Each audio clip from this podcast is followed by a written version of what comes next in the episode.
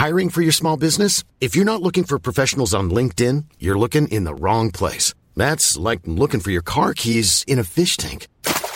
LinkedIn helps you hire professionals you can't find anywhere else, even those who aren't actively searching for a new job but might be open to the perfect role. In a given month, over 70% of LinkedIn users don't even visit other leading job sites. So start looking in the right place. With LinkedIn, you can hire professionals like a professional. Post your free job on linkedin.com slash people today. Hallå podden. Hallå! Vi är lite så här, vi vet inte riktigt hur vi ska börja det här avsnittet. Det känns inte lika peppigt som vanligt för det har ju varit en tuff vecka. Mm. Som alla säkert i träningsbranschen eh, känner till och säkert många följare. Ja, vi, ja, men vi är väldigt berörda, alltså båda två, av att eh, Therese Alvén har gått bort Mm. i cancer. Ja. Eh, det känns så sorgligt. Mm. Det, ja, precis. Det är alltid när någonting, när, speciellt när någonting går snabbt. Ja, Så är det så man hinner inte ta in det, man hinner inte förstå. Mm. Och det, nej, jag tycker det är svårt att ta in och fa- faktiskt förstå. Saknaden det lämnar när man inte hinner förbereda sig på det. mm. Jag tycker det är så hemskt. De har ju följt hennes sjukdom som har gått alltså, ganska fort nu liksom. Mm. Och man tänker på dels på henne när hon liksom ja, fick säga adjö liksom, till sin familj i sjuksängen. Och på hennes barn som inte har någon mamma längre. Mm. Och hennes man som eh, får ta hand om dem själv. Liksom. Det, ja, nej, jag, Mm. det är så ledsamt. Mm. Eh, och så har man själv, jag har barn i exakt Ja. hennes barns ålder. Precis, en pojke på åtta och en tjej på sex år. Liksom. Jag tänker att det blir väldigt, Ehm, att du kan relatera väldigt starkt. ja, Du har träffat Therese också. Jag har aldrig träffat henne i person tror jag. Däremot har vi följt varandra på Instagram. Så det Mm. blir ju ändå som att man har någon, man känner varandra lite över den världen också. När man Ja. hejar på varandra. Ja, det är väldigt många som känner så. Alltså Ja. även fast man inte träffat henne. Jag känner inte henne väl men Nej. jag har träffat henne och jag träffade henne, jag tror jag slutet på mars, början på april där. Jag skulle börja jobba lite med eh, Maratongruppen där hon jobbade. Mm. Eh, och hade möten ihop och sådär. Alltså något jag verkligen starkt kommer ihåg var ju liksom hur hon alltså lyste upp rummet. Jag är inte, det är, jag, och hon var sjuk då liksom och hade ja, problem med en sån också Mm. som togs bort och så tidigare.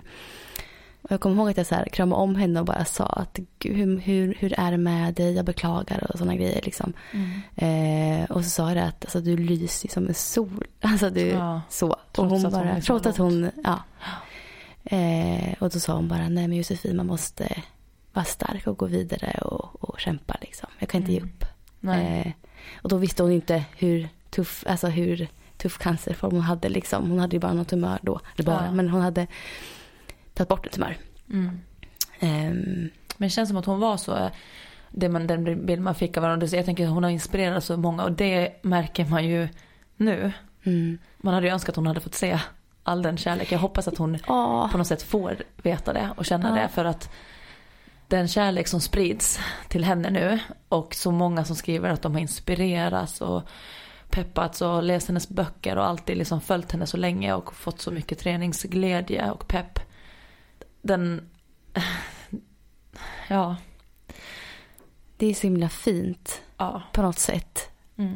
Eh, Hon har gjort mycket för många. ja, hon har verkligen gjort väldigt mycket och påverkat till mer rörelseglädje. Mm. Eh, alltså hennes videos när hon står och dansar till musik och bara är sig själv. Är Ja. så här, jag kollar på dem massa nu efter hon gick bort och bara känner hon är så fantastisk. Ja. Eller var så fantastisk i det. Och det känns som att hon har Ehm. liksom lyckats till och med nu. Mm. Att nu känns det som att alla springer för Therese. Ja, att hon sätter igång en till, en till glädjevåg av att kunna röra på sig. Att ta vara på att kunna springa, kunna dansa eller kunna göra, alltså det spelar ingen roll, det behöver inte vara träning, men att faktiskt Mm. kunna göra saker som gör en glad i livet. mm. Det känns som att den ändå, det kommer en boost av att ta vara på det här, ta vara på det här och det är också så här att i all sorg så fortsätter hon ändå inspirera Mm. Och till att faktiskt så många. rör, rör på er och ha, ha glädje i det ni gör. Mm. Jag känner Ja. liksom själv att det enda, jag, jag känner liksom i den här sorgen, det enda jag kan göra för att må bättre i det, det är ju faktiskt att ta vara på mitt liv. Mm. Att känna så här, hur ser mitt liv ut? Lever jag så som jag vill göra? Är, alltså, och verkligen så här självstyra det till att göra saker som ger mig glädje de dagar man har, de dagar Mm. man kan. Och det behöver inte vara att man går bort heller, men de dagar jag kan springa för att jag älskar att springa så tänker jag njuta av det. Mm. Jag känner verkligen likadant. Jag Både känner- igår och ja. idag tog jag även en så här kvällstopp. Mm. Och det är, inte, det är en sån här grej för att jag känner mig levande. Mm. Och jag brukar kanske göra det någon gång på helgen eller någonting men nu både måndag kväll och tisdag kväll. Igår var jag ner halv elva på kvällen. Jag ville gå och lägga Mm. mig men jag, bara, jag ska bara ta ett dopp och sen krypa ner i sängen. Ja. För att känna mig levande. Ja. Det där kalla vattnet som bara gör och den där sköna känslan efteråt. Det, det är liksom livet för mig. Alltså det är, jag känner redan nu att jag uppskattar allt så mycket mer. Mm. Alltså hon kommer ha jättestor inverkan på mig och på Mm. jättemånga. Jag uppskattar så mycket mer bara att krama barnen. Ja. Alltså jag, hela den här veckan jag har kram på dem hela tiden och säger mycket jag älskar dem och bara Mm. njuter av deras närhet. ja. Och Eh, få njuta av att få vara deras mamma. Ja. Mm. Mm. Och att man känner som du säger att man vill springa för Therese. Mm. Eh, och jag kommer njuta av mina runder ännu mer än innan. Mm. För Therese och för alla andra som För- ja, inte kan precis. av någon anledning. Mm. Yes. Det var skönt att få prata om Ja, det. det var skönt att För det känns som att vi kan inte låtsas som att vi inte har påverkats. Nej, och det var svårt att bara dyka in i som ett ämne. Det första man gör efter en sån här grej har hänt. Mm. Men vi ska ju försöka komma in på lite andra grejer också. Det här Ja. avsnittet. Vi tar en liten trudelutt här och sen Mm, Lite tar vi paus, återhämtning. Mm, det gör vi.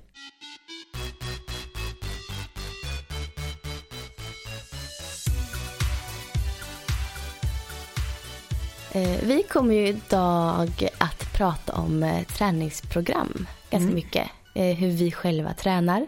Du har ett program som du följer. Jag Ja. har ett träningsupplägg som jag liksom har lite i huvudet.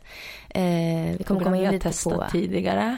Ja, Och lite hur man kan tänka när man väljer program. Precis. så vi hoppas att kunna ge, eh, ge, komma med tips till både er som är sugna på att komma igång med löpningen och som känner så här, nu vill jag börja springa. Och även er som kanske så här, nej men jag är sugen på att börja tävla eller på något annat sätt ändå höja nivån på, på löpningen. Precis. Lite mer prestationsinriktat då. Mm, mm, absolut. Men eh, så då undrar jag direkt här nu Sara, hur, hur eh, tränar du? Mm. Hur ser ditt nuvarande program ut? Ja, jag får ju ganska ofta frågor om det och eh, så som jag har sagt tidigare i podden också så blir många förvånade av att jag tränar mindre än vad folk tror. Mm. För eh, så som mitt, min träning har sett ut ungefär senaste ett och ett halvt året ska jag säga är att jag kör fyra pass i veckan.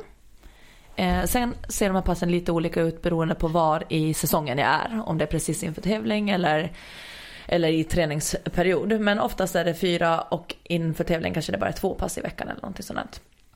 Men grunden i, dem, i mitt upplägg är att jag kör två styrkepass och två sprintlöppass. Eh, så om jag tar det från veckan, jag, jag börjar nästan min träningsvecka på söndagar. I Ja. mitt huvud så Ja, blir det liksom att ja. mitt program börjar på söndagar på något sätt. Så jag kan börja på söndagar då, då kör jag mina Sunday sprints som jag brukar kalla dem. Det, var ju mina, det är min Det lyxträning. ju. låter väldigt härligt. Ja men det är så. liksom så här söndagssprintarna, liksom min lediga dag. Så och på dem så brukar det oftast vara fokus på eh, snabba lopp. Eh, oavsett liksom, eller ja, men nästan hela säsongen. Så då, här är, eh, är det startblocksträning. Så det är verkligen det här med att eh, träna på eh, reaktionen i startblocken. Och då springer man oftast, när man tränar starter då, jag kanske springer 20-30 meter. Så det är egentligen bara, jag är ute efter det, reaktionen och accelerationen Mm. som jag tränar på på det passet. Och sen efter det så tränar man lite maxfart och då kan det antingen vara att jag springer några, allt mellan 40 till 120 meter nästan. Alltså oftast, oftast runt 60-80 eller något sådant.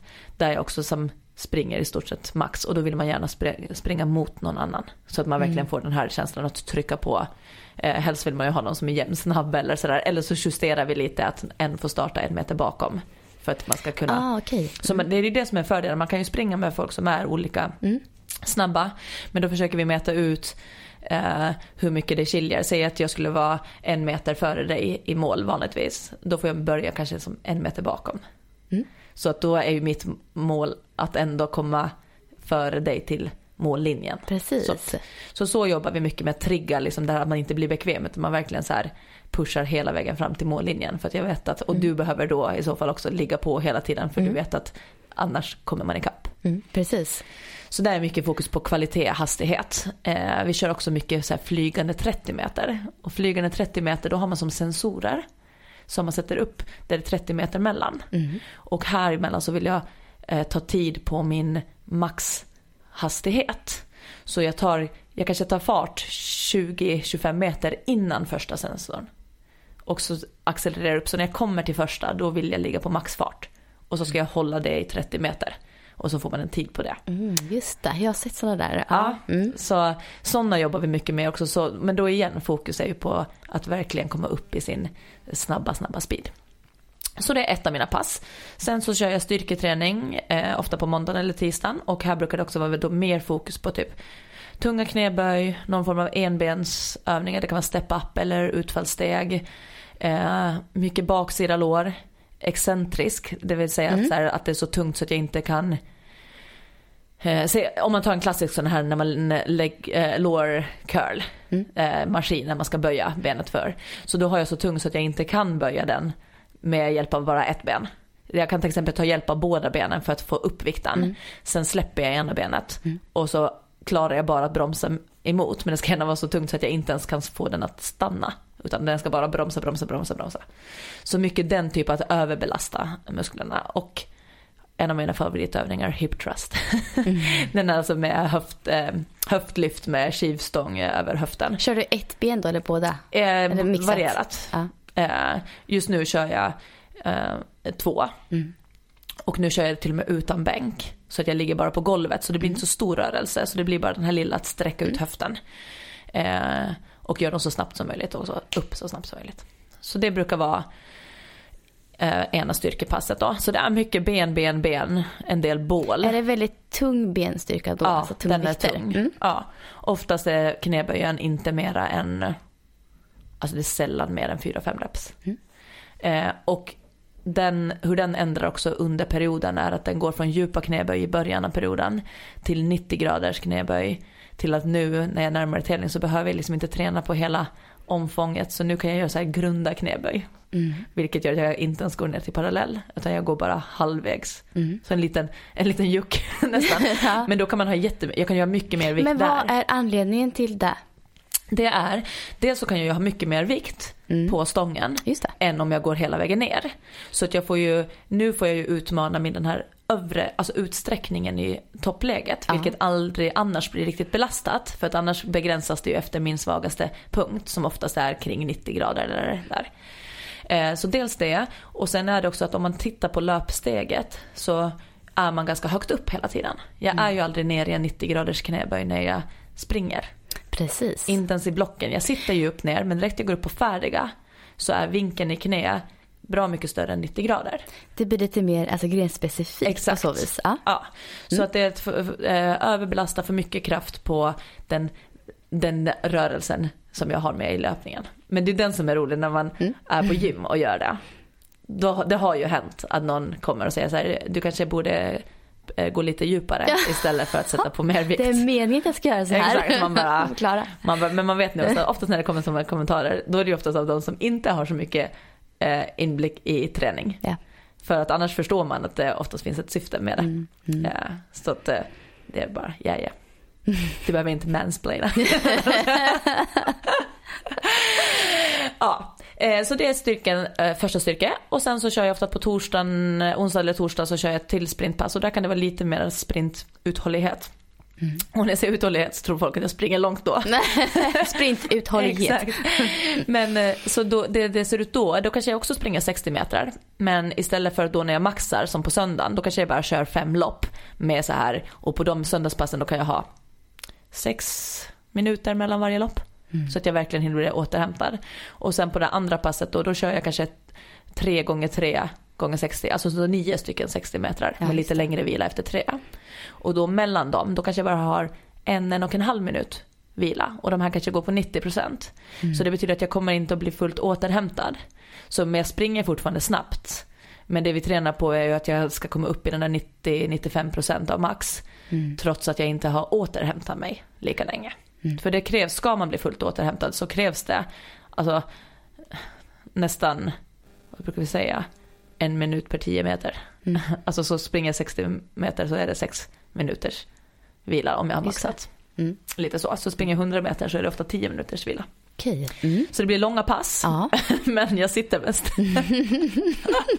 så ibland bara, ja jag tränar två timmar och bara, åh du är så duktig. Och då har jag Ja, men, eh, 80% Så här av den vila hade jag. Men det behövs ju för att annars tränar man ju inte på hastigheten. Nej, Annars tränar nej. man på något annat. Så som vi gör här då. Här tränar vi på uthålligheten. Så då drar vi ner på pauserna och springer. Så så ser andra sprintpasset ut. Och sen sista eh, styrkepasset då. Eh, där fokuserar jag lite mer på snabbhet i styrkan också. Så det är ofta frivändningar.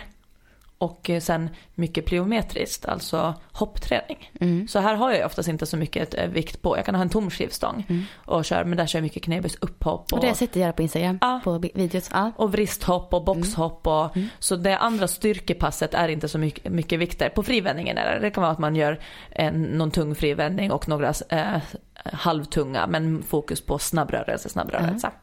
Och sen hopp. Mm. Så så ska jag säga att mitt träningsupplägg ser ut just nu och har gjort ungefär ett och ett halvt år. Och sen, sen ändrar man lite vecka för vecka eh, beroende på om det är tävlingar och sånt. Mm, exakt. Men till skillnad, för vi var ju inne på det förut att jag följer ju program väldigt strikt Mm. till skillnad från dig som går på känsla. Så måste jag ändå säga att nu när jag tränar nu till skillnad från när jag var yngre så har jag mitt program men jag utgår ändå alltid från en dagskänsla. Så känner jag så att jag känner mig sliten på sprintpassen då vill jag inte, då kommer jag inte riktigt upp i det jag är ute efter och jag vill inte riskera skada. Så att igår skulle jag sprungit fem stycken 120 meters lopp Mm. och jag sprang fyra. För att jag kände att redan, nej men jag kände att jag sprang lite orytmiskt på slutet, jag var lite sliten. Det var friidrottsdag för en skola samtidigt så det var 200 ungar på friidrottsbanan. Åh, jäklar. Och ska Mm. man springa max, även om man säger så här, jag kommer nu på bana 6, så vet man att ungar glömmer bort det och kliver ut i banan. Mm. Så det, man var lite så här disträ och det tar energi också. Så att igår var det så här, nej men det blev fyra och jag kände mig jättenöjd Ja, med det, det. det kanske är smart ibland också att göra det Ja. eh, på sikt. Så. Ja, Mm. så att jag blivit mycket bättre på att lyssna på kroppen eh, och plocka bort om det känns där eller ta, byta, ta en extra vilodag om jag behöver det. Så att jag tittar inte så här stenhårt på att göra exakt det där men jag har ju riktlinjer på, på det och sen så får kroppen bestämma vad som finns i mig för dagen. Mm. När jag var yngre så skulle jag ha gjort till punkt och pricka och hade jag inte gjort det så skulle jag tycka att jag, att jag hade misslyckats Kunde eller du- inte orkat Mm. eller Kunde du till och med öka på då, köra en till? Ja, och fra, eller framför allt så kunde jag säga om det stod ett visst tempo Mm. så kunde jag trycka på och köra snabbare på eh, slutet. För att man tror att snabbare alltid är bättre. Mm. Så att, eh, så kunde jag göra. Att jag Mm. liksom så här, antingen tryckte på lite extra eller eh, ja, men jag gjorde så här små grejer som, som man tror att är bättre. Mm. Fast det Ja, inte är det. är ju- ja, Och framförallt ja. Mm. jättedåligt samvete och känna sig dålig och misslyckad om jag inte hade gjort Ja. eh, det som stod i passet. Mm. Då hade jag känt så här, "Ah, ja, då, då, då är det dåligt. Istället Mm. för att bara så här, gött, jag fick i alla fall fyra lopp. Hur, hur ser det ut? För du vet att du kör lite på känsla, Ja. lite mer så Ja. Men jag antar, du, många vill ju ändå veta så här, vad tränar du? Mm. Mer specifikt ändå, berätt- gå in lite mer på det. Ja, berätta Ja. lite mer hur ditt träningsupplägg, ditt program ser ut. Ja, jag har ju tränat ganska likvärdigt i flera års tid nu nästan faktiskt. Eh, men det är klart att det varierar ju utifrån vad jag har för eh, lopp som kommande stora mål. Och sista halvåret här nu så har jag haft maraton. Som, jag har haft maratonträning i ett halvår. Eh, och eh, de passen som jag får in då, eh, det är alltid ett långpass i veckan. Mm. Och det har jag fått in sen i december nu egentligen, eh, vid jul där ungefär. Och då har jag sprungit långpass på runt två mil egentligen, varje söndag i Ah. princip. Det är Mm. ganska häftigt egentligen. Mm. Alltså att hela- du kan hålla i det. Ja. Fast det är ju självklart, alltså det är din träning. Men för mig blir det så här, ja, wow. Ja, eller hur? Det var bara okej. eh, men för då hade jag, eh, jag hade Paris maraton var det då som var huvudmålet som var i april nu. Eh, så fyra månader där körde jag ju ett långpass varje vecka. Och då Ehm, ökar du på? Eller det på så- längden också. Ja, för varje vecka eller varannan eller? Inte riktigt varje för jag var ändå uppe alltså, ganska mycket längre även från förra året. Så, så jag hade ju ändå, Mm. Du jag gick direkt på två mil och så körde jag några veckor. Så körde jag kanske 2,3, 2,5, 2,5 några veckor. Så Ja. körde jag kanske 2,8 och liksom där några veckor. Eh, Ökar du det då på känsla? Eller har du så här, jag försöker öka så mycket distans eller så mycket tid per... Ja men jag har lite med tanke då att jag ska liksom ändå öka lite lugnt. Så att jag inte ökar för många kilometer ändå Mm. Ja. mellan varje vecka. För att köra ett långpass i veckan det tar ganska mycket ändå på kroppen. Och även kunna få in andra pass som Mm. Ja. ska funka med det här långpasset. Eh, så att jag tänker ändå lite att okej, så öka successivt Ja. eh, längden på passen. Och de passen som är långpass, de är för mig väldigt lugna. Ja. Eh, där ska jag bara egentligen få in eh, mängden och jag ska liksom träna på att alltså få styr, få styrka i fotleder, eh, ligament, måste vänja sig vid att ligga ute länge och Ja. nöta. Det är Vänja det handlar om. Att, Ja, att jobba. kroppen ska klara av att springa så pass länge. Mm. Eh, utan att dra på sig några skador eller känningar egentligen. Mm. Eh, och då måste man ta det lugnt, springa långsamt. Mm. Och sen utöver det passet eh, så får jag alltid in eh, både distans och snabbdistans. Så tänker man så här, men vad är skillnaden däremellan? Mm. Eh, distans är ändå också ett ganska långt pass, relativt Mm. långt pass. Distans kan vara ungefär, för mig har det varit nu när jag är inne i maratonträning så är det runt 12-13 kilometer. Ja. Det är distans för mig i maratonträningen. Och springer man milen så kanske det här är mellan fem och åtta. Ja något exakt, så det beror helt på vad man har för målsättning som mäter träning. Men just i maratonträningen så har det varit den mängden ungefär, längden. Eh, och då ligger jag på ett tempo, det är snabbare än långpassfarten. Mm. Eh, men det är ändå en väldigt, väldigt kontrollerad fart. Mm. Och jag blir inte speciellt trött av de passen. Det är egentligen för att få in mängdträningen som de, Ja. de ligger där. Så ett sånt pass i veckan Mm. kan man säga. Eh, och sen även snabbdistans eller tröskel. De är ganska lika varandra. Mm. Och vad innebär Det är, det, De alltså, passen. tr- ja, men det, är- det, är- det är en fart där man utmanar mjölksyra eller tröskeln lite grann. Eh, man vill ju liksom på något vis skjuta fram den lite så att man kan på sikt springa ett visst tempo utan att bli trött. alltså det är eh, snabb uthållighet. Mm. Eh, och det är väldigt viktigt om man ska ha, om man har både alla distanser som mål egentligen. 5, 10, halvmaran och maran så är tröskel och snabbhets, snabbdistans väldigt viktigt att få in. Ja. Och, den, och då kör jag, det är också en skillnad, tröskel och snabbdistans är också en skillnad emellan. Eh, vissa pass är snabbdistans och då ligger jag, vad ska man säga, mellan 5 till 8, max 10 kilometer eh, och ligger på lite, nästan tävlingstempo. Ja. Eh, på, inte riktigt, men nästan Tävlingstempo på kanske på, lite kortare distans då? Nej, halvmaran ska jag säga ungefär. Ja, tävlingstempo. tävlingstempo Mm. ungefär. Det är väl Eh, tröskel? Ja, det är min Ja, tröskel. ungefär. Eh, snabbdistansen är väl lite långsammare än det. Men jag har ju inget program så jag går lite på känsla här. Mm. Eh, men jag pressar lite extra. Kroppen, det blir kontrollerad fart Mm. men ändå att jag känner att flåset kommer lite mera än när jag bara kör distanspassen. Mm. Och det här kan ju också bli lite påtagligt för att eh, det med tröskel och puls och allt det kan ju också påverka lite av dagsform. Absolut. Har man sovit dåligt eller stressat eller haft någon liten förkylning på gång eller någonting så märker man ju ganska stor skillnad direkt. Så stirrar man bara blind på sina tider här så kan ju det bli en ganska det kan bli stress lite missvisande. Då är det Ja. bättre kanske att gå på utgå från pulsen eller känslan. Ja. Och man känner, jag känner min kropp ganska väl så jag känner ganska direkt så här att okej nu ligger jag lite för snabbt. Då sänker jag farten lite. Ja. Och tröskel kan man ju även köra intervallform. Mm. Vilket jag inte brukar göra. Nej. Eh, så ett sånt lite snabbare pass brukar jag få in. Mm. Eh, då är vi uppe i tre pass här. Ehm, sen får jag alltid in kontinuerligt eh, backträning. Mm. Ehm, och då kör jag, framförallt är det löpning i backe. Eh, som är i intervallform. Mm. Eh, så jag hittar en backe som kanske är runt, kan det vara 200-300 meter ungefär. Lite så här segdragen långt Aha. så. Eh, och så springer jag 10 stycken sådana intervaller. Ja. Springer upp i kontrollerad fart. Eh, inte max, Nej. men ändå med kraftfulla steg. Eh, joggar eller går och vilar tillbaka och springer upp igen. Och så kör jag 10 sådana intervaller. Och det kan jag köra som inslag i ett vanligt distanspass också ibland. Att jag hittar en backe på vägen och bara åh nu kör vi lite backe. Så kör jag liksom 10 sådana intervaller, joggar kan vara- vidare hem. Det kan ju vara rätt bra just för så här löpstyrkan också. Det här att verkligen få skjuta ifrån. Ja. Ofta springer folk väldigt fint tekniskt i backe för Mm. att det blir automatiskt att man måste trycka ifrån. Man måste landa lite um, alltså på framfoten för det går liksom inte att liksom rulla sig upp för backen Precis. på, med hela Så, ja, just för teknikträningen är ju backlöpning väldigt bra också. Mm. För du tvingas liksom tänka lite extra på Ja. eh, hur kroppen springer. Mm. Och sen gillar jag att köra kropps... Alltså jag kör eh, styrka med min egen kroppsvikt. Mm. Ganska mycket, eller ganska mycket. Men jag får in sådana pass kontinuerligt också i min träning. Sätter du in det som ett, spe- äh, enskilt, alltså ett pass för sig eller brukar du göra så att du gör lite styrka när du kommer tillbaka från löpningen? Jag brukar köra pass där jag kanske har lite lugn jogg till en plats.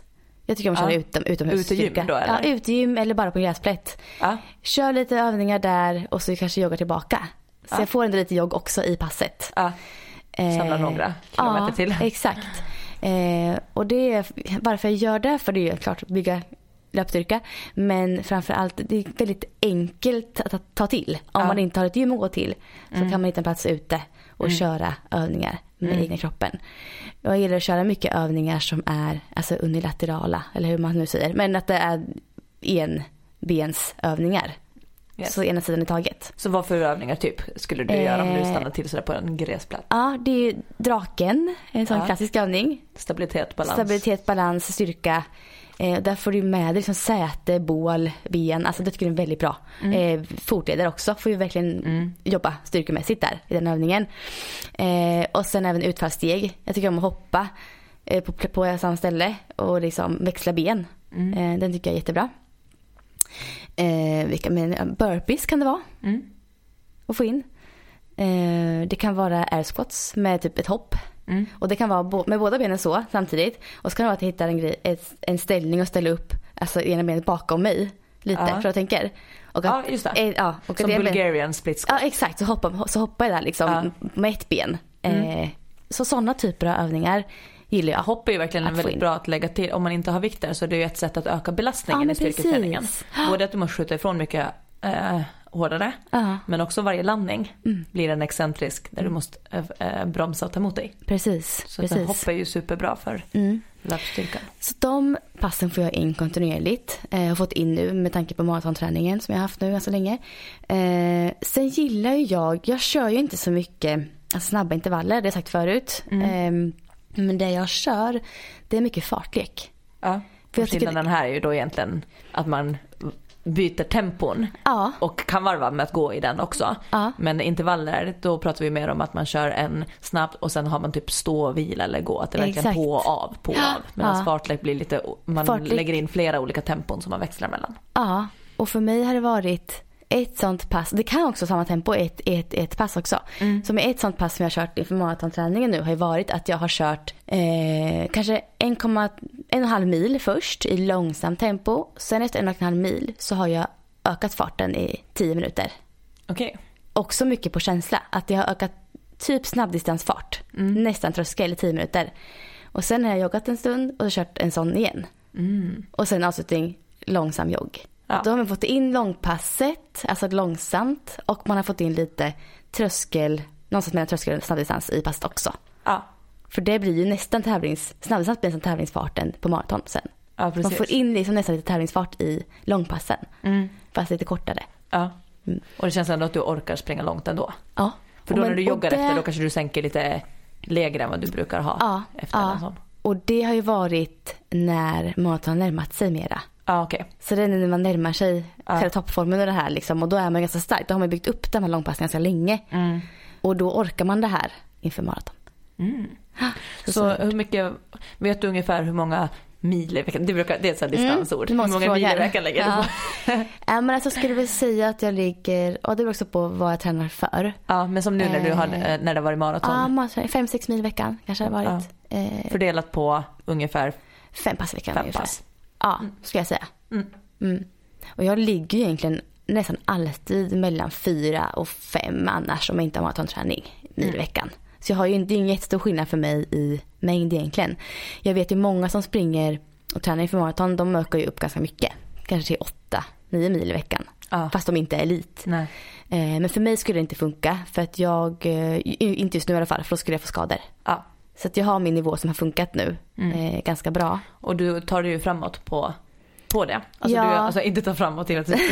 du går framåt tidsmässigt. Du utvecklas Ja, ju och du utvecklas. presterar ju. Ja, Och det där tycker jag att det är också viktigt att när man, vi ska komma in på lite nu hur man tänker kring eh, program också. när ja man ska välja. precis. Mm. Men det är att, att verkligen ha den här känslan att svaret till ett bättre resultat är inte alltid mer Nej, träning. och jag tror att väldigt tror. många tror att det är så. Ja, att mer, mer, mer är bättre. Mm. Men nu har vi liksom så här, du håller dig på det och du har kommit till en Mm. ändå rätt hög nivå på det. Och eh, jag kör inte heller så mycket mängd och har också kommit på en hög nivå. Sen är det ju såklart individuellt. Det som funkar för oss behöver inte funka för någon annan. Men i första hand så i min tränarroll så vill jag sällan börja med att öka på. Mm. Nej. Utan kolla så här, vad kan vi göra med det som är befintligt just nu och utveckla det Mm. Ja, och först. hellre få väldigt bra kvalitet då på passen istället för att Exakt. hålla på och öka på mängden för mycket. Ja, så att börja kolla på innehållet innan Ja. man börjar dra på mera. Ja, jätteviktigt, verkligen. Yes, så vi tänkte prata lite träningsprogram då och var man, det, det kan ju vara en djungel. Ja, men jättesvårt och som nybörjare framförallt om man liksom inte alls vet vart ska jag börja och det är så många som frågar oss det. Hur ska jag börja springa? Hur ska jag börja när man tänka? igång och ja, börja? exakt.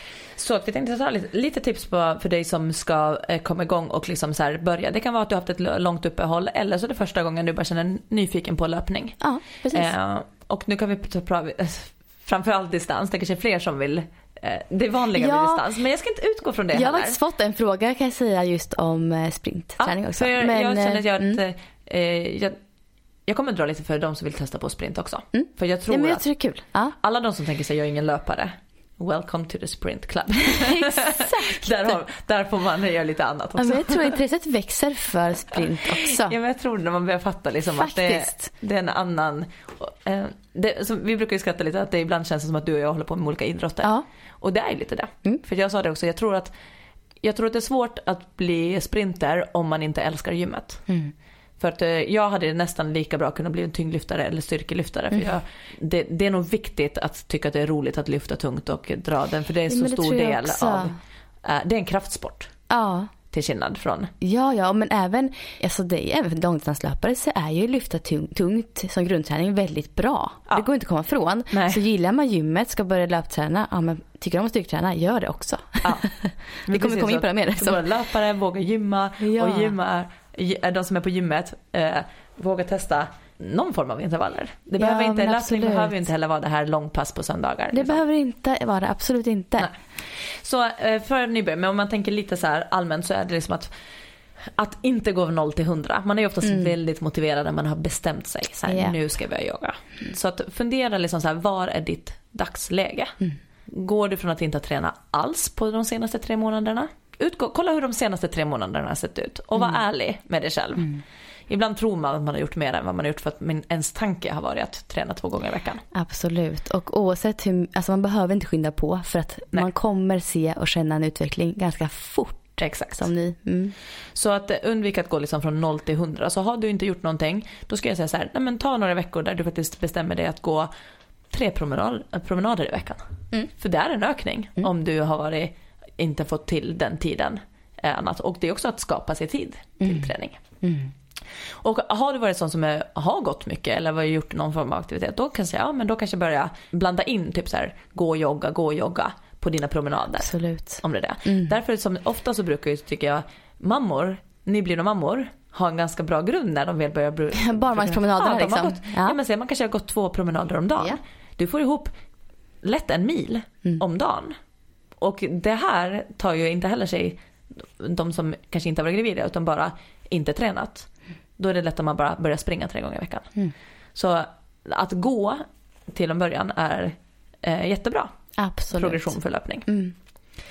Eh, och har, är du igång och joggar lite grann, eh, börja då liksom kanske variera dina pass lite grann. Har du kanske kommit igång med att jag joggar min lilla slinga här. Så att då kanske börja fundera så här, okej kan jag eh, dela upp det så att jag just där springer intervaller Mm. en gång. Inte alltid tränar på att springa längre Nej. varje gång Nej. i början heller. För det blir också, då drar det iväg lite i att kroppen hinner vänja sig. Mm. Så att kanske stanna kvar så här, men nu kör jag det här där jag springer en minut, går en minut, springer en minut. Det gör jag en gång i veckan och en gång i veckan så, så springer jag mina tre kilometer. Jag tror på att leka lite med olika tempon Mm. och lära känna sin kropp i det Ja. tror jag är jättebra. Mm. För man har ingen aning om man börjar som nybörjare vart man reagerar och hur kroppen reagerar på att springa snabbt. Vad är snabbt för Nej. mig? Vad, alltså, Exakt, och då kan man ju göra lite sådana tester. Liksom så här, okej. eh, alltså, orkar jag gå raskt i en timme? Ja, Mm. då är det ens långpass. ja. Till att börja med. Och när man känner, att jag orkar gå liksom powerwalka en timme. Därifrån kan man ju då börja säga, okej, på den här promenaden orkar jag jogga var tredje minut. Och så Det kan man jämföra det sen ha som riktlinje Ja. för nästa pass. Och så kan man hålla den på en timme hela tiden. Så Ja. passet behöver inte bli längre än en timme. Men man bygger på och sen kanske man springer varannan minut. Då har vi fått in 30 minuter jogg och 30 minuter promenad. Och det är ett jättebra långpass om man är nybörjare. Och sen kanske man joggar två minuter, går en. Och då har vi mitt i allt fått ju två tredjedelar av den här timmen som är jogg. Så jag gillar att liksom öka på innehållet av den här timmen. Istället för att dra iväg att det ska bli längre eller, eller jogga jättelångt i sträck till exempel i början. Att man kanske behöver inte satsa på att springa en halvtimme i sträck direkt utan två minuter, en minut gå i en timme. Då har du ju eh, ganska mycket mängd ändå. Absolut.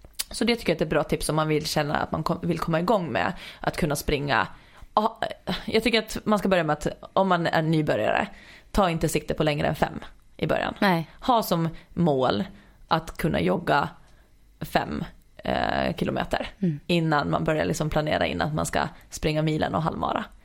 Absolut. Och var inte för hård mot dig själv. Nej, Eh, det är jätte, jätte, jätteviktigt. Ja. Det viktiga är ju att man får in kontinuiteten. Att man ger sig ut kontinuerligt, Mm. regelbundet. Eh, får till sina pass bara. Så man, det skapas en slags vana Ja. i det. precis för det är ju det som vänjer kroppen och senor Ja, och leder precis. och muskler. Mm. Så att eh, ha, hitta kontinuitet. Tror, oftast när jag pratar med en kund så, då brukar jag fråga så här, ah, hur, hur ser målsättningen ut? Vad känns realistiskt för dig att träna per vecka? Det brukar jag vilja veta. Och då säger de oftast så här, till exempel då, eh, tre, fyra pass. De sätter liksom ett tre, fyra, fyra, fem för det där. Och då säger jag alltid så här, bra, då kör vi på tre. Så Ja. jag tar alltid det lägre. För att om det är realistiskt att köra tre, fyra, då vet jag att men tre, då kommer den vara motiverad och prioritera att få in tre. Skulle det bli ett fjärde, då är det en bonus, den bonuspass veckan. bara. Mm. Men man ska inte utgå från att det ska bli fyra. För det är så lätt att man vänjer sig med att sen är det ett misslyckande om det bara blir tre. Mm. Fast man själv har sagt tre, fyra. För att man kanske höll fyra de första tre veckorna. Mm. Och tre känns ju spontant som ett ganska bra nummer på pass. Ja, det tycker jag också. För då Eller kan man hur? fortfarande gå framåt. Ja. Om man är nybörjare åtminstone. Mm. Och är man träningsvan, då kan man bra bibehålla på tre. Ja. ja. så tre precis. är en ganska så här, då är man nästan varannan dag liksom. Ja. Får man lite återhämtning också. Mm. Eh, Så det tycker jag att det är viktigt. Och att hålla då som nybörjare passen på att, att det ska kännas lätt. Mm. Jag tycker att det är viktigt att det får kännas så här som att eh, om, man, om man börjar då med till exempel den här gå, gå en minut, jogga en minut i en timme så känns det så här, men gud jag hade kunnat ju fortsatt eller jag hade kunnat sprungit Ja. två minuter. Då här, men låt det vara så. Mm. Så man blir lite sugen till nästa pass. Man Ja. håller i det här liksom. Ja. För då vet du när det nästa gång är 90 sekunder istället för Mm. eh, 60 att jogga. Då vet du så här, förra kändes lätt. Det, jag kommer att klara det.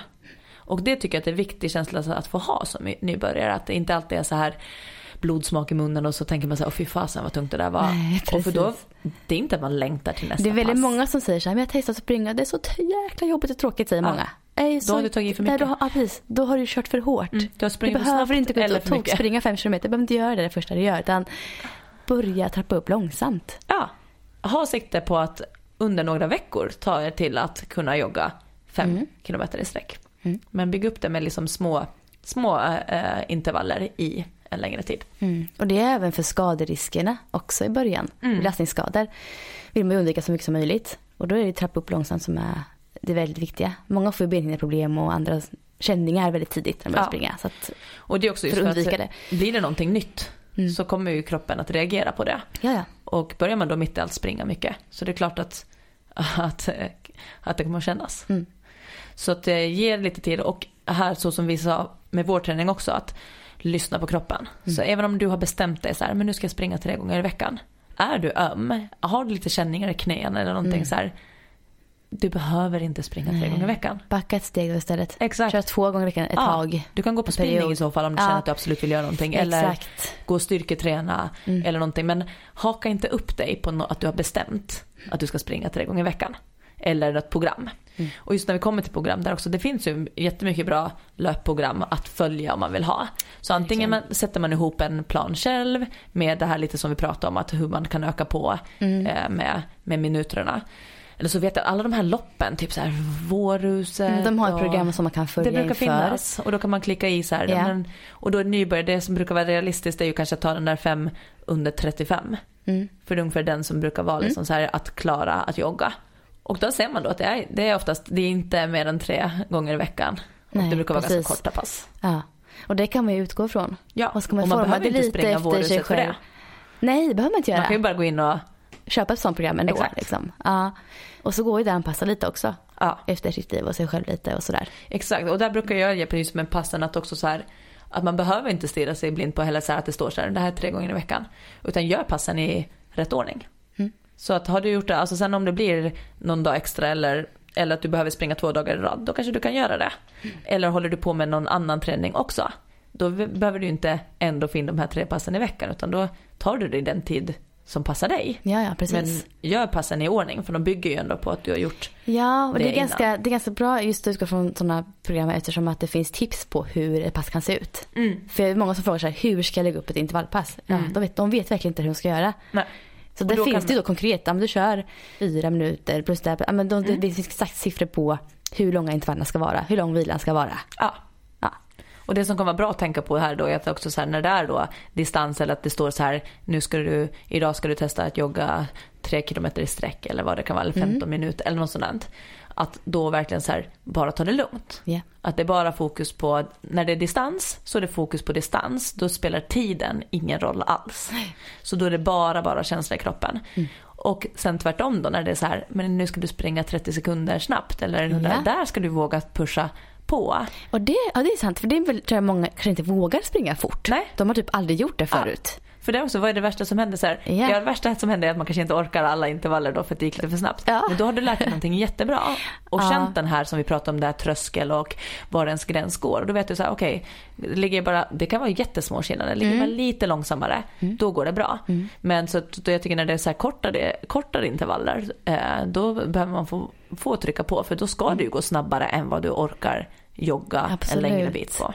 Och det är ju som att ju mer du springer ju mer kommer du lära känna din löparkropp. Ja. Alltså vad din kapacitet är. Mm. Vad är ett snabbt pass för dig? Vad är ett tröskelpass som är något långsammare än det snabbaste passet? Vart, vart ligger det ungefär? Ja. men det, är, det är så mycket man kan lära sig om kroppen ju Mm. mer man har sprungit. Yes, så man kommer ju man kommer ju komma in i det. Man kommer det, absolut. Så möter man väggen något pass eller, eller känner att det blev för tufft eller för lätt så här. Alltså, det ska vara så i början. Mm. Det är all, alla pass eh, kommer ge dig någonting. Mm, absolut. Eh, så det är det och sen så är jag alltid en förespråkare för styrketräning. Ja, Så att jag skulle säga att ska du börja springa, jag skulle jättegärna vilja att du styrketränar också för att förebygga skador. Och sen så känner jag alltid när det är någon specifik, alltså löpning är ändå en speci- specifik rörelse och Ja. alltså idrott. Så att alltid när jag jobbar med oavsett om man vill bli duktig löpare eller man vill ta tung knäböj eller vad det nu kan vara så vill jag alltid ha en atletisk grund. exakt. Jag tänker så också. Ja, men Mm. just att ha grunden, styrkan som grund, Ja. är ju jätteviktig. Ja. Och Så att ändå få in liksom lite basövningar. Sen om du går på Absolut. pass, cirkelpass eller vad det än är. Men att få in liksom knäböj, höftfällningar, eh, enbensövningar, hopp. Att man gör någonting annat än rörelsen springa. Alltså helst så vill man ju, det optimala är ju egentligen om man har byggt upp en liten styrka innan man börjar Ja. springa. Alltså, ja, det pratar vi mycket om egentligen. i graviditets... Ja, det är, och det är ju väldigt samma sak viktigt. här. Ja, att man har en styrka i kroppen som grund. Ja. För att risken att få skador ökar väldigt mycket. Mm. Och känningar om man inte har den styrkan. ja, och det blir roligare att springa när man känner sig stark. Ja, mycket roligare. Så är det. Yes, så många av er som lyssnar på den här podden, ni springer ju redan. Eh, och åtminstone kom igång. Så att vi fick, har också fått lite så här frågor, hur kan man göra och när man vill börja tävla, tips på att, att eh, ta sin löpning till nästa nivå. Precis. Så och här, eh, ty, jag tycker ju om att följa program. För att eh, jag har bra, jag har positiva erfarenheter av pro, att följa program. Eh, men det är ju lite som man är som person. Men oavsett Så har du sprungit ett tag, nu känner du så här, nej nu ska jag börja springa en lopp. Jag vill liksom försöka ta ett nytt personrekord eller lite mer fokusera på prestation. Då tycker jag att det behöver vara läget så här inför löpsäsongen. Ta och bestäm, men säg två lopp. Som blir huvudmålen för den säsongen. Ja.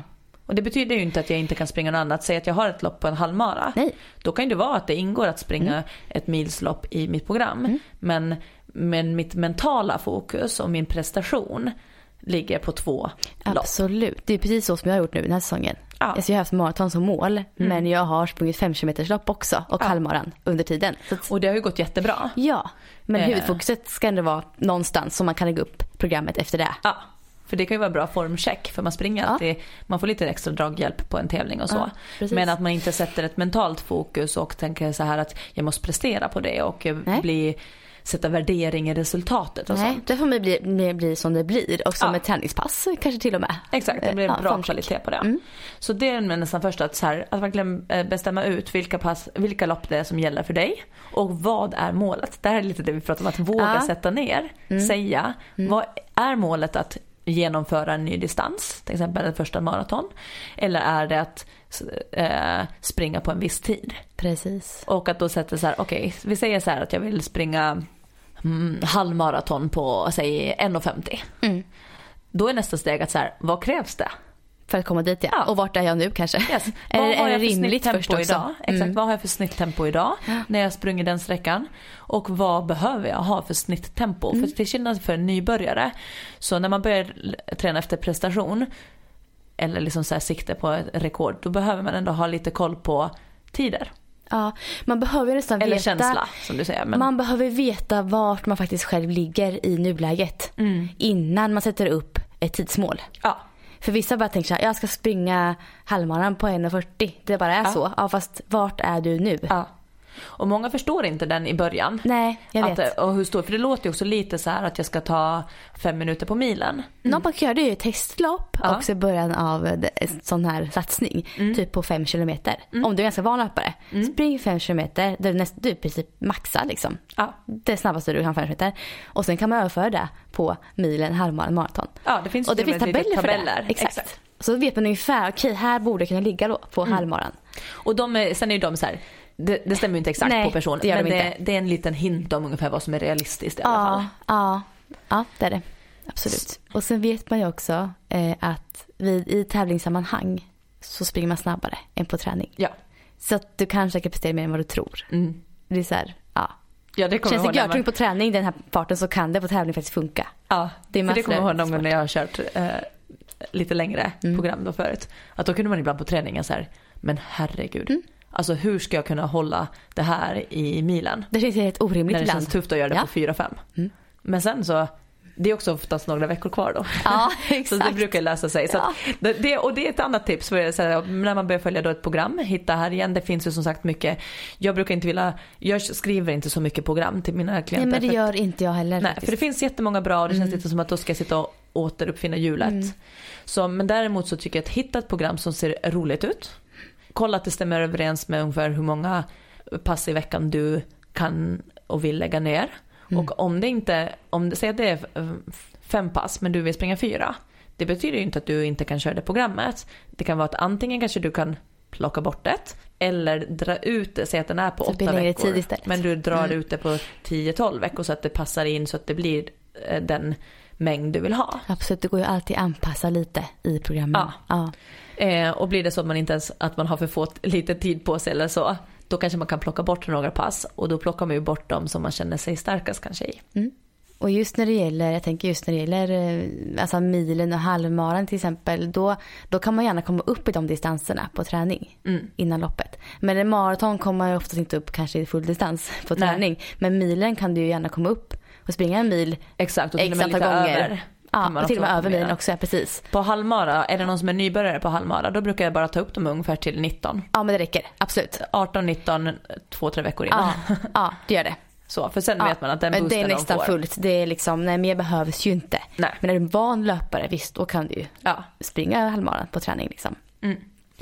Så att eh, hitta ett, pass, försök att liksom eh, göra det personligt för dig. Även om det inte är ett personligt program så kan du göra det personligt genom att plocka bort, förlänga, eh, lägga till extra rörlighet, styrka eller någonting så att du ser lite så här och det kan ju vara bra skönt att bolla med någon om man har någon som är duktig löpare eller löpcoach eller PT, alltså någonting. Bara få, till exempel, visa programmet och så försöker ni tillsammans få det att passa för dig. Mm. Och så kanske den behöver ha lite övningar visade för sig också. Om det är styrkeövningar eller vad det nu handlar om. Ja.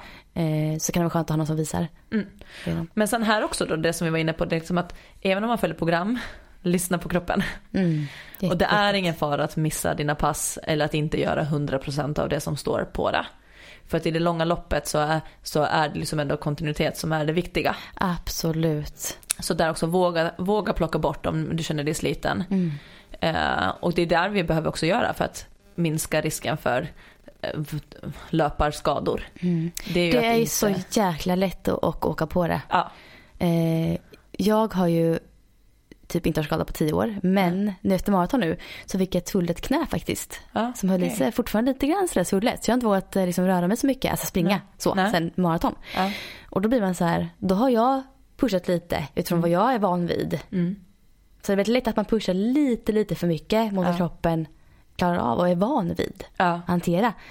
Så kör ett program känner att nej det här varit för mycket, backa hellre då lite. Ja. Mycket hellre backa än pusha för mycket. Mm. Om du inte känner din kropp väldigt, väldigt väl. Ja, och Då vet man vart den här man- gränsen går då. Att okej jag kan pusha lite, lite till för att utvecklas mer eller måste jag backa lite. Alltså, Mm. Men att lära känna den gränsen är väldigt svår om man inte är jätte... Liksom, Och det är ju det här också när man har ett mål i sikte. Ja. Så vill man gärna blunda för Mm. de här små känningarna. Men oftast när man väl har ont så har man känt att det har varit på gång. Mm. Oftast ett tag. Mm. Eh, Så att försöka att liksom ta hand om eh, kroppen också. Ge, ju mer du springer, ju mer du ökar på löpning behöver du också kanske öka på återhämtning på de sätt. Alltså ge dig också stretchstunder, Mm. foamrolla, gå på massage, eh, styrketräna, allting liksom så att ge tillbaka. Så att ökar vi på på någonting så behöver vi också ge tillbaka Mm. till, till kroppen. Jätteviktigt. Så det är väl att fortsätta lyssna på kroppen även om man följer program för prestation. Mm. Lägg till prehab och styrka och sen också se till att det finns viloveckor.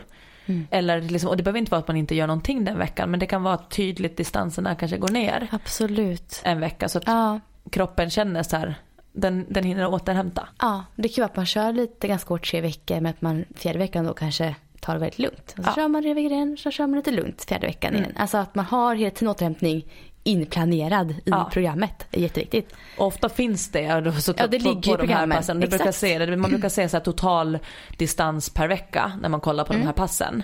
Eh, så står det vecka ett, så, så ser man att det är vecka ett, två, tre, att den ökar oftast distansen Ja. för varje vecka. Och sen kanske det kommer vecka fem och då så ser man att den är lika lite som vecka två. Ja. Och det är just en sån här Då återhämtningsvecka. backar man lite och ja, återhämtar sig. Ja, Mm. och det är då det ska vara det.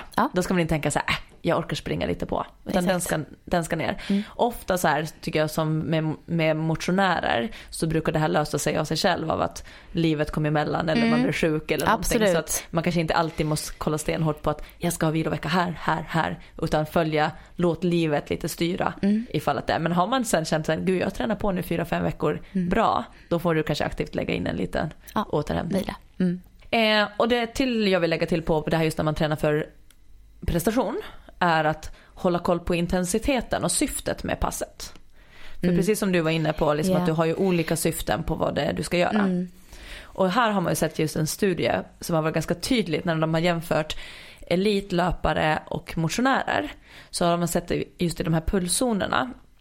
Och då ser man liksom att, eh, att vi motionärer lätt hamnar väldigt stor mängd av de här distanserna som man springer. Mm. Hamnar i det här mellanmjölks... Ja, det är jättelätt hänt och Ja. även för en ganska van som mig. Jag hamnar i perioder också väldigt mycket mellanmjölks. Ja, så om man pratar typ pulszon Facket. 1 till 5. Ja. Där ett är äh, vilopuls typ, Mm. alltså när vi inte tränar. Två är där vi fortfarande kan prata, alltså en lugn ut och gå eller lätt jogg när man Ja. kan prata.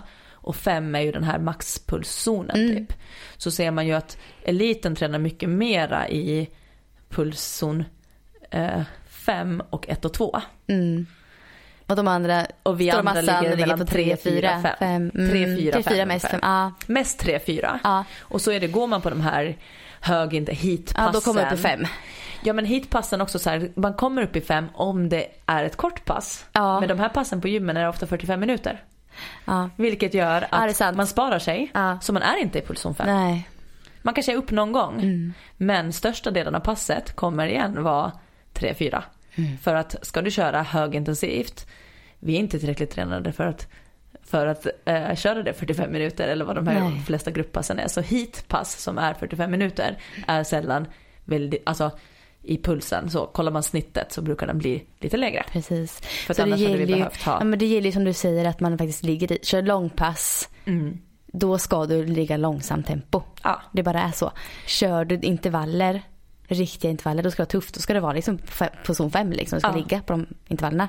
Men även få in tröskel som är lite ja, högt på fyran kanske. Ja, men så. Mm. Obekvämt. Obekvämt, men ändå inte max. Få in olika Ja. kvaliteter i passen är ju väldigt viktigt för utvecklingen. Ja, för det ser jag när jag coachar så ser jag nästan oftast att på de passen som jag tänkt att det ska vara den här pulsen 2, Mm. långa, lugna distanspass, där är det nästan alltid att personen i början, Mm. innan man har fått sig till på skarpen, är att den bara, ja ah, men det kändes så lätt så jag sprang. Och då om jag har planerat att den ska springa i 6.00 tempo eller 6.30 Ja. och så har den valt att det kändes bra så den sprang på 5.30. Mm. Och det är, då pratar vi om den här, då är den inte i pulsen 2. Och jag kan säga att det här är så vanligt. Är Så många som gör det här felet. Mm. Eh, ja. Det kan till och med vara så ofta att, att de här då distanspassen och tävlingsfarten, Mm. som att det skiljer 15-30 sekunder Ja. per kilometer. Mm. Och det glappet är inte så lite, alltså det ska vara ett större glapp på Det ska vara mycket större grepp på pulsen 2 tävlingsfarten. och när vi pushar tävlingsfart. Mm. Så att våga verkligen, och för många vet jag att det här gäller, då ska man hålla sig där, så gäller, eh, blir det till och med att man får gå i uppförsbackar. Mm. Om Jaha, man ska hålla sig ja, lågt. För vissa. Mm. Yes. Är det branta backar så, är det, så innebär det på ett, långt, på ett lugnt pass. För de är också till för återhämtning ibland. Mm. Att det kan vara ett syfte att, att eh, ta, ta det lugnt fast samla eh, distans. Och sen klart det finns, jag, tänk, jag tänker typ eliten, de lär ju ligga på alltså, långa pass och nöta rätt tufft också tror jag. Ja, exakt. Men det man kvalitetspass. Men det det man- här gäller ju oftast kanske inte eliten då vi pratar om nu utan det här är liksom. Och oftast när man ser liten, varför det är så här, för att när man kollar på det här då, alltså hela vad du får in i mängd, då är ju också det här pulson 2, om man kollar antal minuter av hela veckans pass, där är ju också uppvärmningen. Mm. Så att du får ju in på pulson 2 om du tar det lugnt på uppvärmningen och på Mm. nedjoggen. Alla de är ju till för att få in mera volym också i, Mm. i den pulson 2. Så att verkligen ta det lugnt på uppvärmning på nedjogg och sen när du ska springa snabbt, där ska du springa snabbt. Mm, för man tänker ändå så här, men gud de där elitlöparna de är ute och springer varje morgon i 4.00 tempo. Mm. Men det är också så här, de kanske är i pulson 2 på 4.00. Ja men ja precis. Det Det kan är det man som är liksom grejen. veta. Ja. De kan springa mycket snabbare med låg Ja. puls. Så att ha liksom lite koll på så här, när är fokus på hög intensitet, när ska jag våga ta i? Ta i på de passen. Mm. Men när det inte är det, låt det vara så. Och det handlar ju också om att man ska fördela alltså passen under veckan. Du ska ju kunna orka köra hårda passen också. Mm. Du ska kunna orka köra långpassen. Det gör du inte om du ligger Nej, Man måste planera in det där på ett bra sätt. exakt. För annars är man i den där mellanmjölken. Där man, Ja, och då blir det inte kvalitet på Nej. långpasset och inte på snabba passen heller. Utan då hamnar det liksom någonstans mitt emellan. Du måste vara återhämtad för att kunna Ja. ta i hårt. Ja, exakt. Så att försök att inte liksom så här, kör inte på känsla i form av att distans, ja men jag tar i lite mera. För då hamnar vi i det här, mer är inte alltid bättre. Mm, exakt. Så försök att hålla till tidsanvisningar också om du gör det liksom på de andra Mm. eh, passen. Mm. Ja, Ja. det var jättebra tips tycker jag till eh, men alla så- våra löpare där ute som Ja, men jag lyssnar. hoppas att eh, det kommer tips både till dem Ja. som är nya. Och till de som har lite mera andra tidsmål och krav. Mm. Lycka till allihopa. Lycka till! Tack för idag! Tack för idag. Hej då. Hej.